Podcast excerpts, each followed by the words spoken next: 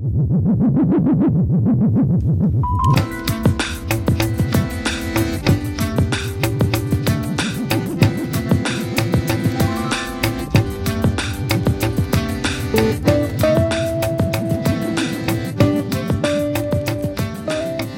tempo de conversa desta noite contamos outro lado do teléfono con José Antonio Soane, que é profesor titular de Filosofía do Dereito na Universidade da Coruña e presidente do Consello de Bioética de Galicia. Moi boas noites, José Antonio. Ola, boa noite, Manuel, e eh, a todos os ouvintes. A bioética atende a momentos significativos da nosa vida, atende o nacemento, a morte, tamén a saúde e o benestar. Pero mm, se si tivésemos que explicar que é a bioética para que entendésemos todo, como non la explicarías, José Antonio? Pois, non, a bioética é unha unha disciplina que pretende analizar racionalmente eses problemas que te indicabas, os problemas coa vida, da saúde, da enfermidade ou da morte dos seres humanos e tamén das relacións cos outros seres vivos. Mm, e, polo tanto, ocúpase de aspectos que teñen que ver coa nosa sexualidade ou co tipo de vida que levamos, os coidados eh, sanitarios e sociais da nosa vida, pero tamén iso, a relación co medio ambiente, a relación con outros seres vivos. Eh, estos xorde, pois, por un conxunto de, de problemas ou de inquedanzas, fundamentalmente a partir dos anos 60 e 70, excesos no ámbito da investigación con seres humanos, xa desde a década dos 30 e dos 40, e tamén coas posibilidades que a tecnoloxía abre para intervir e para coidar as persoas no comezo da súa vida e no, e no final da vida, xunto cos cambios sociais e éticos, pois a demanda de dereitos por parte de minorías, a crise económica, son diferentes factores, pero vamos, é unha disciplina moi recente, xa digo, que o que pretende analizar racionalmente como gobernar a nosa vida. Porque acabas de dicir eso de experimentación con humanos, eh, agora nos parecería increíble que se pudiese experimentar con persoas sen avisalas ou con persoas pobres ou con, con presos, pero eso pasou aí non moito. Sí, sí, é xusto que diste. Os problemas tiñan que ver con iso, coa desconsideración ou coa instrumentalización das persoas. Os casos que se coñecen célebres na historia de ética de investigación teñen que ver cos experimentos do no bando alemán do nacionalsocialismo, pero bueno, tamén no no ámbito comunista ou mesmo no Xapón. Pero non se libraban tampouco os países aliados, porque nos Estados Unidos destapáronse dous casos moi célebres que o caso de Tuskegee, que emprega unha poboación vulnerable, que son eh, pacientes suxeitos de experimentación de raza negra, aos que lles infectan a sífile para analizar como, como evolúe, e tamén o caso Willowbrook, no que empregaban a rapaces con unha leve deficiencia que estaban nunha institución, e polo tanto a preocupación ou evolución ten que ver coa protección da autonomía das persoas para decidir e ao mesmo tempo co principio de xustiza. Isto é, darlle a cada quen o que merece, non discriminar a ningún dos seres humanos. Esas serían dúas razóns. E cal é a metodoloxía eh, para poder ir facendo achegas no eido da bioética, porque eh, eu pregunto desde fora, calquera pode dicir, bueno, es que eu, eh, eu me considero autoridade en bioética e o meu criterio é o que se debe de, de impor. Como se traballa? Pois é, é xusto, en realidade é xusto o contrario. Digamos que non hai autoridade, sí que se considera importante o coñecemento experto como en calquera ámbito, pero a bioética emprega un método deliberativo que ten como punto de partida que a realidade é tan complexa que é de difícil eh, coñecemento de difícil comprensión só desde unha perspectiva única, por moi experta que sexa esa perspectiva. E o que fai a deliberación é invitar ao diálogo e a participación libre e igual de todas as persoas interesadas. E por iso, para un problema bioético pode ser tan relevante o maior especialista médico nunha determinada patoloxía ou nunha determinada área, como o paciente que non ten eses coñecementos técnicos, pero sí ten unha idea do tipo de vida que quere levar, ou aquela persoa que está afectada ou que foi doente en algo e con esa experiencia vital pode contarnos como foi eh, como foron os seus cuidados e cales foron as súas necesidades. O sea, que nese sentido a bioética é plural, é moi inclusiva, non desbota ninguén, ao contrario, dálla a benvida para que fale con liberdade e igualdade sobre como debería ser cuidada a súa vida ou a súa saúde. Eh, no funcionamento da bioética, eh, un xeito de funcionar é eh, creando eh, comités de bioética, pero tamén hai organismos internacionais, eh, foros que teñen como resolucións, resolucións internacionais, que me, eu lendo cousas de bioética da sensación de que sirven un pouquiño para dar os valores, os patróns, que logo poidan orientar nas decisións. Sí, eh, sí que existen, a verdade é que a bioética desenvolveuse bastante nas últimas décadas, sobre todo a que nos chamamos ética asistencial ou bioética clínica, que é a que ten que ver coas relacións médico-paciente no ámbito sanitario, agora xa eh, nos outra serie de profesionais asistenciais do ámbito social que se ocupan das persoas usuarias. Esa que máis se desenvolve xunto coa ética de investigación. E créanse efectivamente asociacións profesionais ou mesmo e algunhas institucións no ámbito europeo, por exemplo, a UNESCO destaca, e, e van ofrecendo guías mediante declaracións ou mediante convenios que van recollendo os principios fundamentais. Tamén pasa no ámbito da teoría e, e de feito son é célebre, probablemente a vía máis difundida, o que chaman o principialismo, que sintetiza os valores ou os fins éticos dunha, dunha boa bioética en catro nocións, que é a non maleficencia, non facer dano, a beneficencia, facer o ben, o respecto da autonomía, da que xa falamos, o xa que cada quen poda tomar e executar libremente as súas decisións, e a xustiza, que tratar que non discriminar e distribuir as cargas e os beneficios de xeito equitativo. Esa vía máis desenvolvida, pero existen outras alternativas tamén. Entón, a través de iso, e mesmo a través dos dereitos humanos, vaise promovendo ese coidado autónomo e xusto da saúde e da vida das persoas.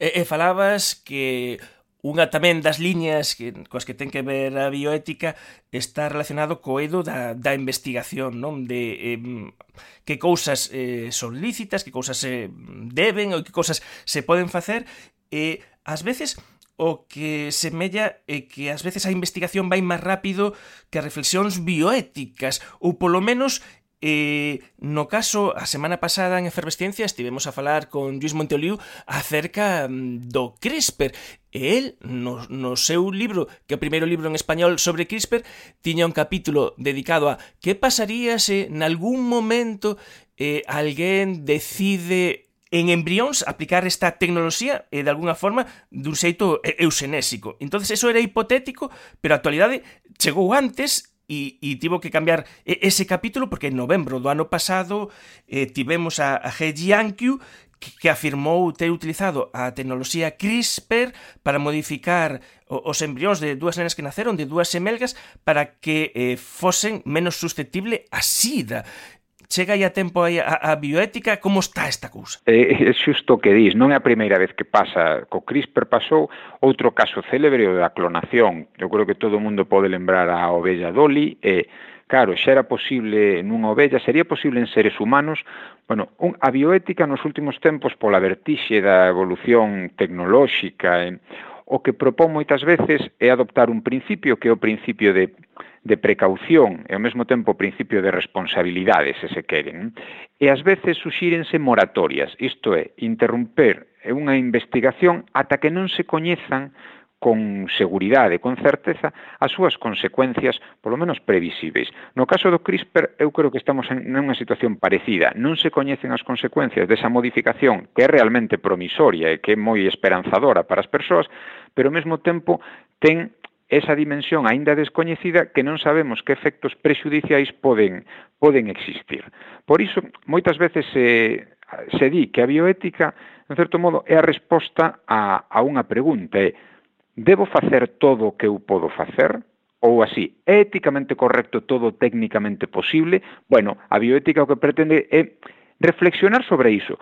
O principio de precaución e de responsabilidade non debe entenderse como parar prepararse xa bo, porque a investigación busca aumentar o coñecemento e o coñecemento un ben, senón simplemente que non se busque de calquera xeito, que se respeten as persoas, que non se afecte, pois no seu momento a patrimonio xenético que se discutía, ou aquí que non se poida cansar prexuizos ou consecuencias desfavoráveis e inesperadas pola búsqueda de algo que en principio é beneficioso uso de, deste principio de precaución, sin embargo, eu percibo que é polémico a aplicación eh, desde o punto de vista da comunidade científica cando se, por exemplo, se quere aplicar, por exemplo, nos transénicos, non? que, por exemplo, é unha tecnoloxía que se leva eh, moitas décadas utilizando e os que son contrarios ao uso dos transénicos dicen, bueno, principio de precaución porque aínda, aínda, aínda non sabemos todo.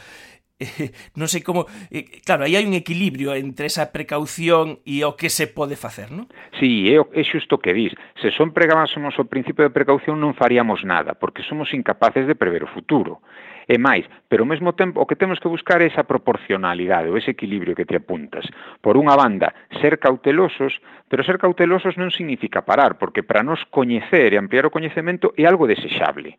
E o CRISPR nese sentido pode ofrecer eh, posibilidades terapéuticas terapéuticas moi grandes, pero o que Por iso falaba do principio de responsabilidade tamén. O principio de responsabilidade o equilibra en certo modo porque o que está a dicir é sé coidadoso, sé prudente, prudente no sentido aristotélico, no sentido de toma a decisión correcta, aínda que sexan condicións de incertidume, pero ao mesmo tempo responsabilízate dos teus actos, non só respecto de ti mesmo, senón das persoas que vas tratar, e mesmo de toda a humanidade, porque agora teñen efectos para toda a humanidade. Uh -huh. E polo tanto, o principio de precaución é só un entre outros. A precaución, digamos que como unha advertencia, pero ao mesmo tempo lle estamos dicindo investigador.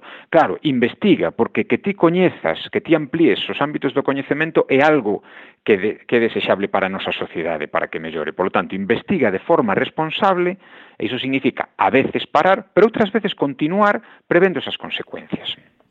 Eh, no, no caso no caso de, do, do CRISPR, eh, cando foi a presentación do libro de, de Jus Montoliu, el que tamén traballa en bioética, eh, el dicía que iba bastante polo que ti dis porque decía que eh, a tecnoloxía inherentemente ten unha serie de ineficiencias que fan que eh, ese cambio xenético non, non se inclúa en todas as células e que por outro lado esa cousa que supostamente se conseguiu aí, esas cousas, se hai unha enfermedade eh, que hai outras tecnoloxías que si están desenvolvidas e que poden chegar aos mesmos resultados. Por exemplo, a diagnose eh, xenética preimplantacional que pode, pois, a efectos prácticos, eh, chegar aos mesmos resultados sen correr todos estes riscos.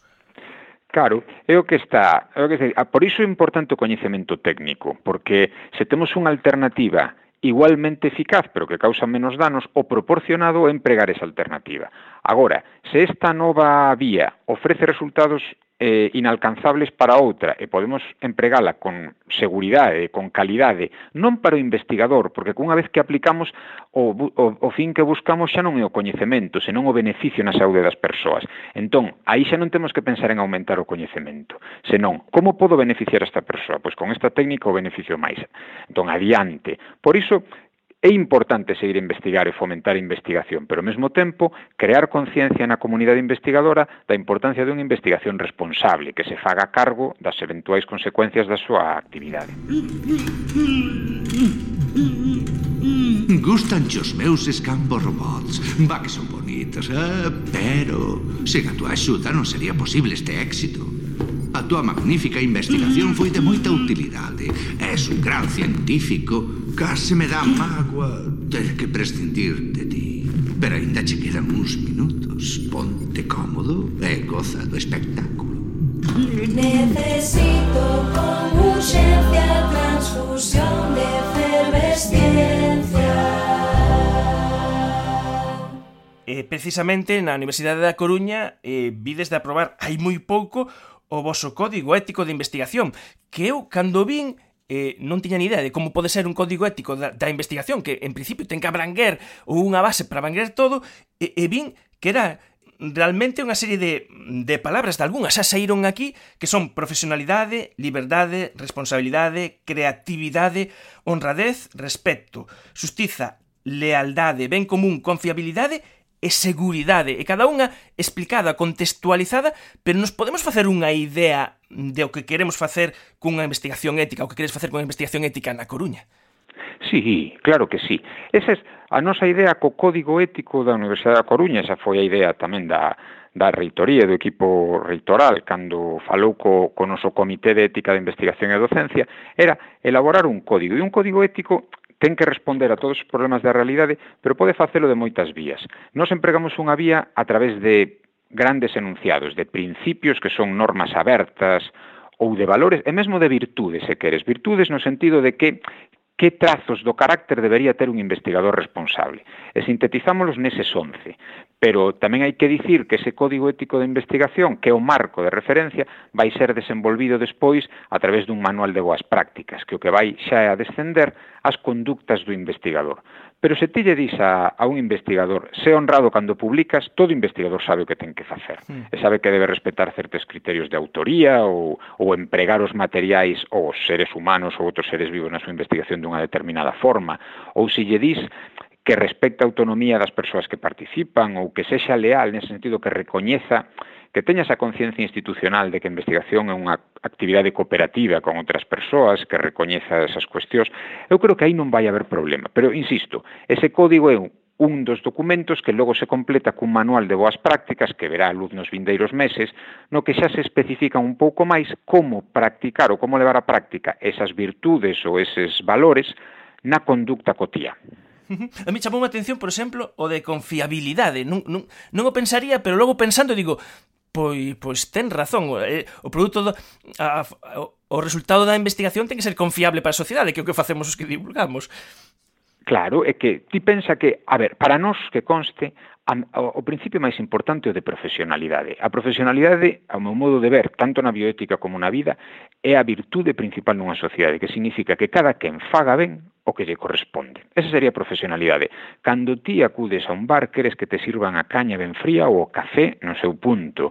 Cando acudes a unha librería, queres que te atendan as túas suxestións ou as túas consultas. Cando vas á panadería, igual e cando tomas o bus que o conductor sexa fiable. Pois lo mesmo coa investigación.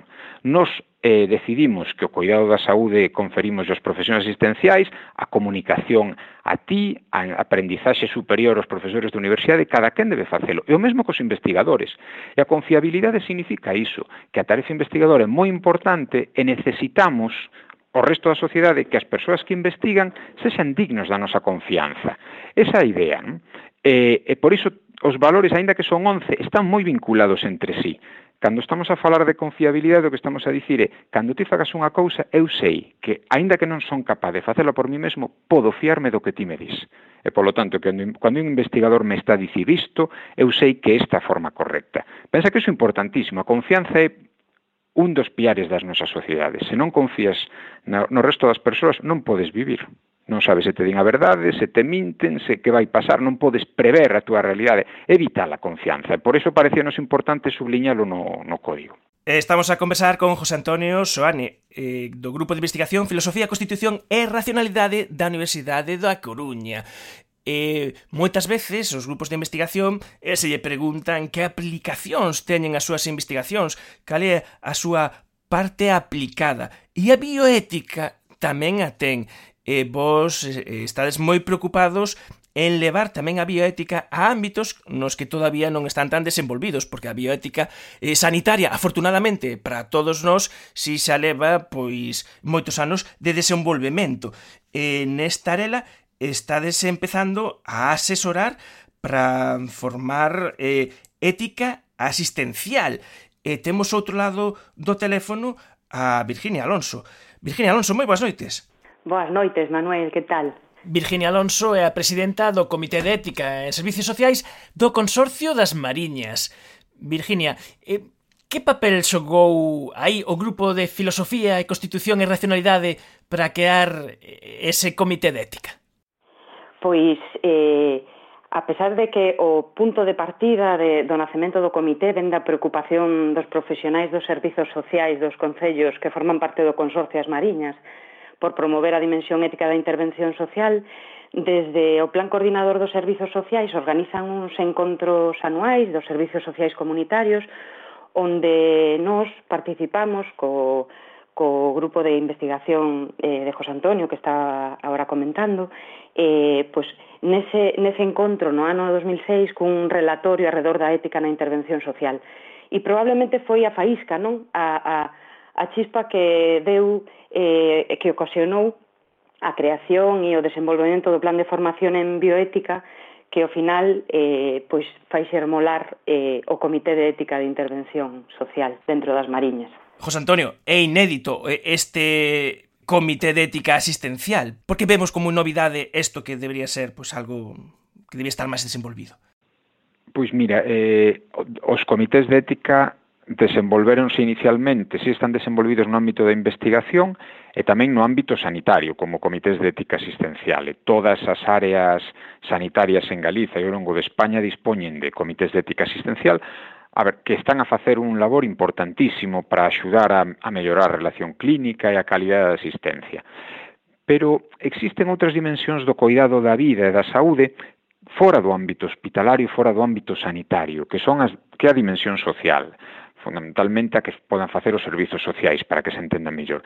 E, e teñen unhas preocupacións diferentes, teñen unhas características eh, con algunha singularidade, non buscan buscan o benestar da persoa, a súa interacción social, o que buscan é preocuparse, pois teñen outras dimensións de vulnerabilidade, uns problemas de xustiza están máis acusados. Bueno, o caso é que hai unha forma de, de responder a esos problemas insatisfactoria desde os comités de ética existencial que non teñen tal competencia e por iso en algunhas comunidades autónomas españolas ao longo de, da primeira década do século XXI foronse eh, foron, foron aparecendo estes comités. A falo do País Vasco, falo de Asturias máis tarde, Castela e León, Cataluña, En Galiza non existen. Bueno, Virxinia Alonso é a, é a principal coñecedora, ela fixo a súa tese de doutoramento sobre estas cuestións, sobre os comités de ética en intervención social, ou seja, que é a maior experta que hai en España sobre estas cuestións. Pero que dicía, demandan un tipo de asistencia distinto. Estes comités de ética en intervención social aprenden da experiencia dos comités sanitarios e pretenden axustar as súas necesidades. Entón, pensábamos que en, que en Galiza sería importante axudar o seu desenvolvemento e, e por iso a sensibilidade dos profesionais do Consorcio das Mariñas para incorporar esa dimensión á súa práctica denos a posibilidade de desenvolver un proceso de formación que, como dicía Virxinia, desembocou aí nada na creación do primeiro comité institucional, o primeiro comité público que existe en Galiza, que oxalá sexa acompañado a xiña de, de noutros moitos lugares e mesmo dun comité autonómico. Virginia, eh, parabéns pola iniciativa e na práctica eh, un comité de ética de servicios sociais que clase de problemas pode, eh, pode intermediar? Mm, ben, pois, eh, ademais de eh, o comité, pois, por exemplo, vai recibir eh, tanto de personas usuarias como de profesionais diferentes casos, diferentes situacións que na que hai un conflito de valores e na que se, sermolan eses problemas éticos que desacougan de alguna maneira as persoas e que poderían ser pois, mm, algúns exemplos, pois poderíamos poderíase eh, permitir a saída da vivenda comunitaria dunha muller que non ten dificultades cognitivas, pero que sofre caídas habituais na rúa. Ou as normas dun centro de día poderían modificarse para respetar o ritmo de vida das persoas usuarias. Eh, tería que deixar unha persoa mm, maior de administrar a súa pensión, porque a filla considera que eh, a nai fai mal uso deses cartos É dicir, cuestións do día a día na que eh, non hai unha resposta eh, se non se coñece ben a situación e que o comité o, o poder abordar esa realidade de maneira coliseada eh, e interdisciplinar pois poderá eh, dar, dar unha, un dictamen que en ningún caso é eh, vinculante porque a persoa que fai a consulta é a última instancia en tomar decisións pero que sí que eh, engadirá ese, ese, esa ollada ética que xa está na, nas profesións sociais, pero que de alguna maneira a partir do cominete pois queda institucionalizada, non? E quizáis un dos puntos fortes precisamente deste de Comité de Ética de Servicios Sociais é precisamente que están implicados os servicios sociais dos concellos de Abegondo, Bergondo, Betanzos, Cambre, Carral, Culleredo, Oleiros e Sada, e que precisamente, como nos está explicando aí José Antonio, que para facer bioética é un acto de reflexión colectiva e que se xuntan as forzas, os coñecementos e, e así eh, poder dar eh, solucións eh, que poidan ser aceitadas.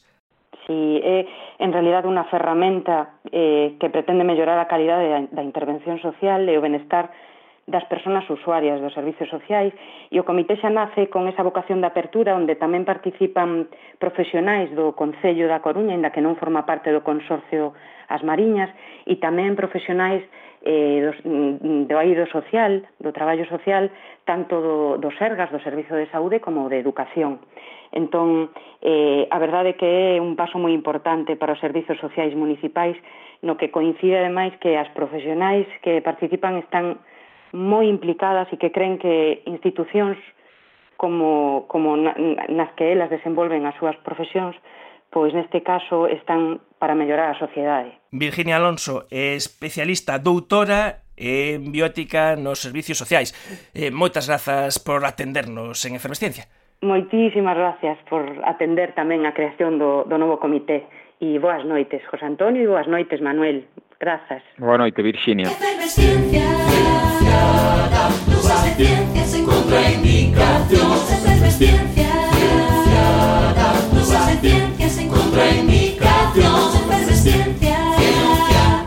Hola, buenas noches, son Sonia da MIPA e, e, fago moita cousa sen a MIPA. Artesanía, e, horta, e, stack, de todo un pouco.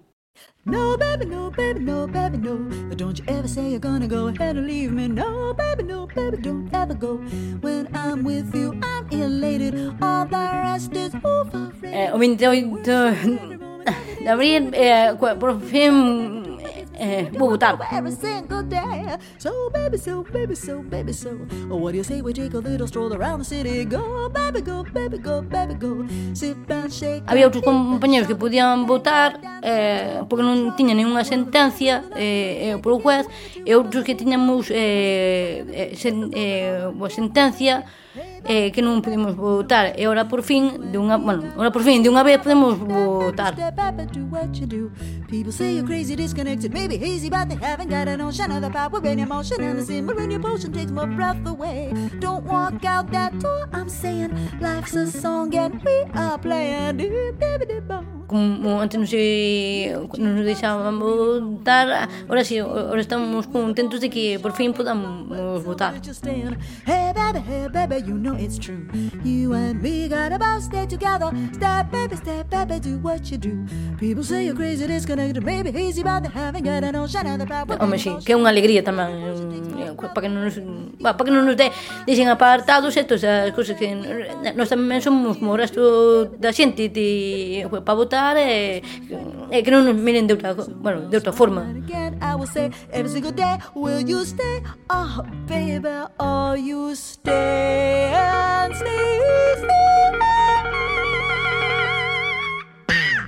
Emocionante. Estivemos na parroquia de Sorribas, en Rois, onde Sonia García, da Asociación Amipa, contounos como logo de que pasasen moitos anos e moitas eleccións desde a súa maioría de idade vai poder exercer o dereito ao voto por primeira vez na súa vida. José Antonio Soane, eu coido que este é un avance moi importante a posibilidade de que as persoas con discapacidade intelectual poidan ter os mesmos dereitos co resto das persoas, porque a toda agora a legislación que facía eh, na práctica era por defecto retirar o dereito ao voto ás persoas que estaban incapacitadas judicialmente.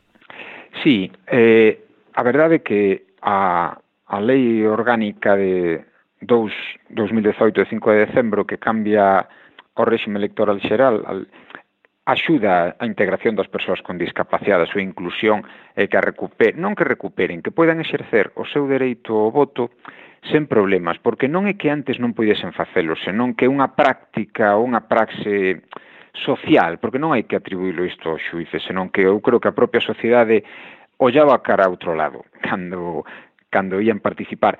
No nas eleccións, pero tamén noutros ámbitos da vida. En ese sentido, desde a Convención dos Dereitos das Persoas con Discapacidade das Nacións Unidas de 2006, as cousas están a mudar.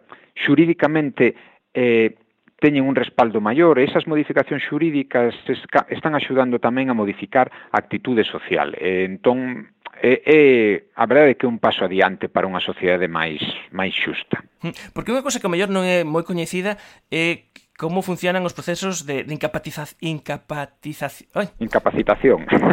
Modificación judicial da capacidade cambia de denominación. Exactamente, pois pues estes procesos de incapacidade eh, eh judicial eh, realmente a filosofía que está detrás deles é para protexer as persoas. Eh, por exemplo, eh, unha persoa que eh, con discapacidade intelectual, co mellor, eh, o suiz valora que é un ben protexela de que outra persoa, un, un titor, administre os seus bens, está feito precisamente para protexer a persoa. Non, non supón eh, unha descualificación da, da persoa con ese nome, que é un nome técnico xurídico, senón que está pensado para eso.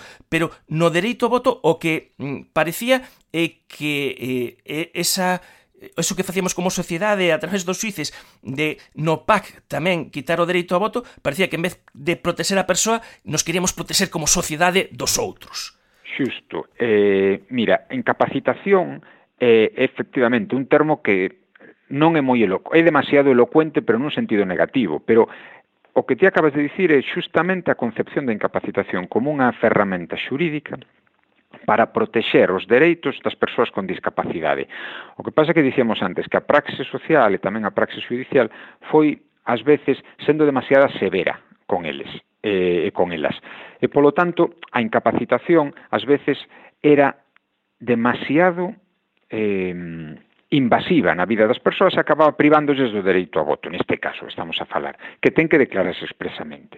Claro, xa de entrada xa non se emprega agora a expresión incapacitación, senón modificación judicial da capacidade que é máis benigna, se se quere. Mm. Non, non, non ten ese carácter peyorativo que podía tirarse da, da incapacitación. E tamén evolúe a forma de exercer esa protección, porque a protección antes tentaba ser máis ampla e por iso abarcaba o dereito a voto. Pero agora é unha falase dos sistemas de apoios, o, sea, o que se trata é a persoa presúmese que é capaz e son aquelas áreas nas que non se xa capaz de actuar por si sí mesma dun xeito válido, buscaremos unha persoa que apoie. Claro, eh, pode, pode votar, nós tampouco pedimos un certificado de capacidade para todas as persoas cando imos votar, presumimos que a chegar a maioría da idade somos capaces. Bueno, pois hagas que se prove o contrario. E iso é importante. Pero no caso das persoas con discapacidade ou outras, en realidad o que ten que probar, o que ten que probarse para exercer o dereito a voto é que sexa un voto que se poda comprender, pero sobre todo que sexa un voto libre. Non ás veces non estamos a xulgar tanto a falta de capacidade intelectual como a volubilidade ou a posibilidade dunha influencia indebida na persoa con discapacidade. Falamos da persoa con discapacidade hoxe, pero poderíamos falar de outros sectores tamén. Se queres, falamos deses, desas persoas en situación de vulnerabilidade que poden non adoptar as súas decisións libremente. Entón, Ás veces as modificacións legais teñen ese efecto simbólico de transmitir á sociedade algo que todo o mundo está a demandar pero que non é capaz de ver. E a lei como criterio común de convivencia é moi importante a hora de tomar decisións. Por, por iso que estou a dicir, porque ten unha función simbólica, nos fai decatarnos de cousas que todo o mundo nos poden parecer razoables e xustas, pero non somos quen de interpretar axeitadamente a vista das normas que existen. Sí, eh, o que acontece, sen embargo, nesta, eh, neste avance é eh, que eh, como que dicía aquel que, que outros fagan as leis que eu fago os regulamentos é que hai unha decisión moi polémica eh, no ámbito do mundo asociativo das, das persoas con discapacidade que é eh, esa decisión da, da xunta electoral de darlle poder aos, os membros da mesa para mm, decidir anotar DNIs de persoas que pensan que non están eh, votando libremente sen ser coaccionadas, eh, que é unha cousa que mm, parece que vai en contra do espírito da norma, no? da, da nova norma. Sí, bueno, que conste a capacidade que teñen eh, os membros das, o presidente da mesa para iso existe non só coas persoas con discapacidade, senón con calquera. Uh -huh. O que sucede é que parece que se focaliza só coas persoas con discapacidade, ou que o feito de ter unha determinada apariencia física son os casos de algunhas discapacidades intelectuais ou do desenvolvemento, penso no caso que socialmente máis común, que é o caso das persoas coa síndrome de Down, pode pensar que non é capaz, cando é todo o contrario. A presunción é que son perfectamente capaces. É máis, ao acudiren a, a mesa o que están manifestando que comprenden o que están a facer, que é votar. Entón, o que, ten, o que ten que garantir o presidente da mesa, no caso desas persoas e noutras, é que vota libremente. Mm? E, e, por tanto, eu creo que tampouco hai que magnificalo. A queixa probablemente razoable do movimento asociativo é por que só se fixan en, en nós, nas persoas que pertencemos a este movimento. Pero se o interpretamos dun xeito eh, xeral, como dicindo, presidenta, unha das competencias do presidente da mesa é esta, o que ten que exercela, iso, con prudencia, non polo feito dunha apariencia ou algo así, tomar unha decisión que realmente lesione os dereitos. Eu confío que aí os presidentes da mesa van actuar dun xeito correcto, porque unha persoa que acude a votar xa está manifestando en certo modo que comprende eh, o significado do seu acto e todos imos acompañar, todos fomos acompañados algunha vez a votar, iso non significa que o fagamos coaccionadamente. Efectivamente. ¿no? O sexa que eu creo que a realidade vai se impor a estes medos, oxalá que sí. E, e vos, unha tamén das vosas preocupacións en bioética é precisamente as persoas con, con discapacidade e outros dos vosos asesoramentos que dan froito a iniciativas eh, que eu coido que son ben loables e a creación tamén por, por primeira vez en, en Aspronaga tamén eh, dun comité de ética asistencial para persoas con discapacidade intelectual. Sí, esa foi outra case case simultánea no tempo. Comezou un pouco antes que a que a iniciativa o que andaina do Consorcio as Mariñas se foi a verdade unha para nós unha fortuna como grupo recibir a invitación da, de Aspronaga para axudarlles tamén a formarse no ámbito da bioética porque teñan a intención de, de mellorar as súas prácticas incorporando ou subliñando máis esa dimensión cara a constitución dun comité de ética dentro da súa, da súa asociación. E funcionou moi ben, tivemos un ano de formación e o resultado foi a presentación dun comité que ademais, xustamente reflectindo Coa práctica, o espírito da bioética incorpora ademais persoas usuarias que teñen discapacidade e que amosaron ter a mesma competencia, ou mesmo, non a mesma competencia, senón aportan ou achegan unha perspectiva do mundo da que carecemos todos os demais.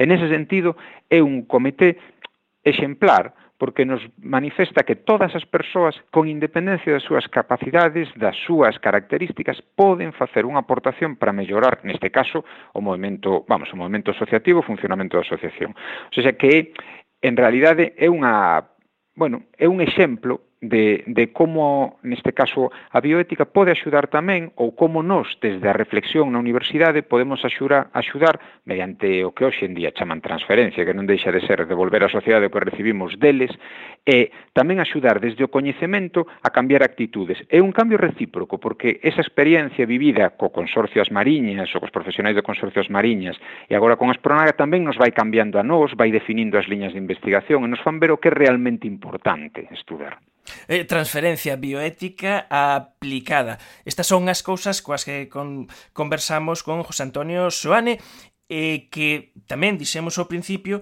é o presidente do Consello de Bioética de Galicia que se leva uns anos de andaina e que eh, cada ano o Consello de Bioética eh, vai quitando, facendo xornadas sobre aspectos eh, moi concretos eh, fundamentalmente da, da cuestión sanitaria, non? Hmm. Claro, o Consello de Bioética de Galicia é un órgano que se ocupa da bioética a nivel autonómico, eh, neste caso en Galiza, e fundamentalmente no ámbito sanitario, porque é un órgano que depende orgánicamente da Consellería de Sanidade. Non funcionalmente, non somos un órgano independente que decide os seus temas, decide que tipo de actividades quere facer, cando quere leválas a práctica, ou seja, que nese sentido traballamos con completa autonomía e con completa independencia. Eh, aínda que está vinculado ao ámbito sanitario, decatámonos a estudar os temas que rebordan ese ámbito sanitario. Iso que dicíamos antes eh, no ámbito social e que nos contaba Virginia Alonso. Pois isto tamén o vivimos. E probablemente o exemplo máis claro sexa o noso último documento, que foi a nosa última preocupación, é a vulnerabilidade da poboación anciá en Galiza. O sea, nos, nos o que pensamos e que nos transmiten tamén os membros no Consello coa súa experiencia sanitaria ou profesional é a, bueno, e que coñece todo o mundo, que é o embellecemento da poboación aquí, e tamén algunhas necesidades. E estudamos iso, a poboación anciana, non como vulnerable en sí mesma o deseo, senón como poden estar en situación de vulnerabilidade precisamente pois, pola súa idade, pola perda de capacidades ou pola situación na que están socialmente. E xustamente, aínda que un traballo orientado sanitariamente, tamén reflicte como é moi difícil distinguir o que é o cuidado social do cuidado sanitario. En ese sentido foi tamén unha experiencia moi fermosa, porque todos os membros do comité, en certo modo, vivimos experiencias con, coas persoas anciás. E, entón, combinamos moi ben esa perspectiva teórica da reflexión coa perspectiva práctica das nosas propias vidas, persoais e familiares. Eu coido que esta conversa que tivemos precisamente esta noite eh, nos está axudando a todos, empezando por min, un pouco a chegar a bioética ás nosas vidas, a ver que a bioética abrangue moitos aspectos, algúns, moitos deles complexos, outros relacionados co mundo mm, da, da investigación, pero tamén hai un, unha eh, bioética que nos afecta a todos E por eso creo que compre eh, divulgar precisamente estes avances e estas aplicacións que se están facendo en Galicia. Conversamos con José Antonio Soane, eh, profesor titular de Filosofía do Dereito na Universidade da Coruña e eh, tamén actual presidente do Consello de Bioética de Galicia. Eh, José Antonio, eh, moitas grazas por, por abrirnos os ollos ao mundo da bioética. No, Manuel, moitísimas grazas a ti pola sensibilidade, pola invitación e pola escolla do tema, que como ti ben dis, divulgar sen vulgarizar é unha tarefa moi difícil e eu agradezo moitísimo eh, pois polo cargo que desempeño agora, pero tamén como estudoso da bioética a posibilidade de estar nas, nas ondas contigo.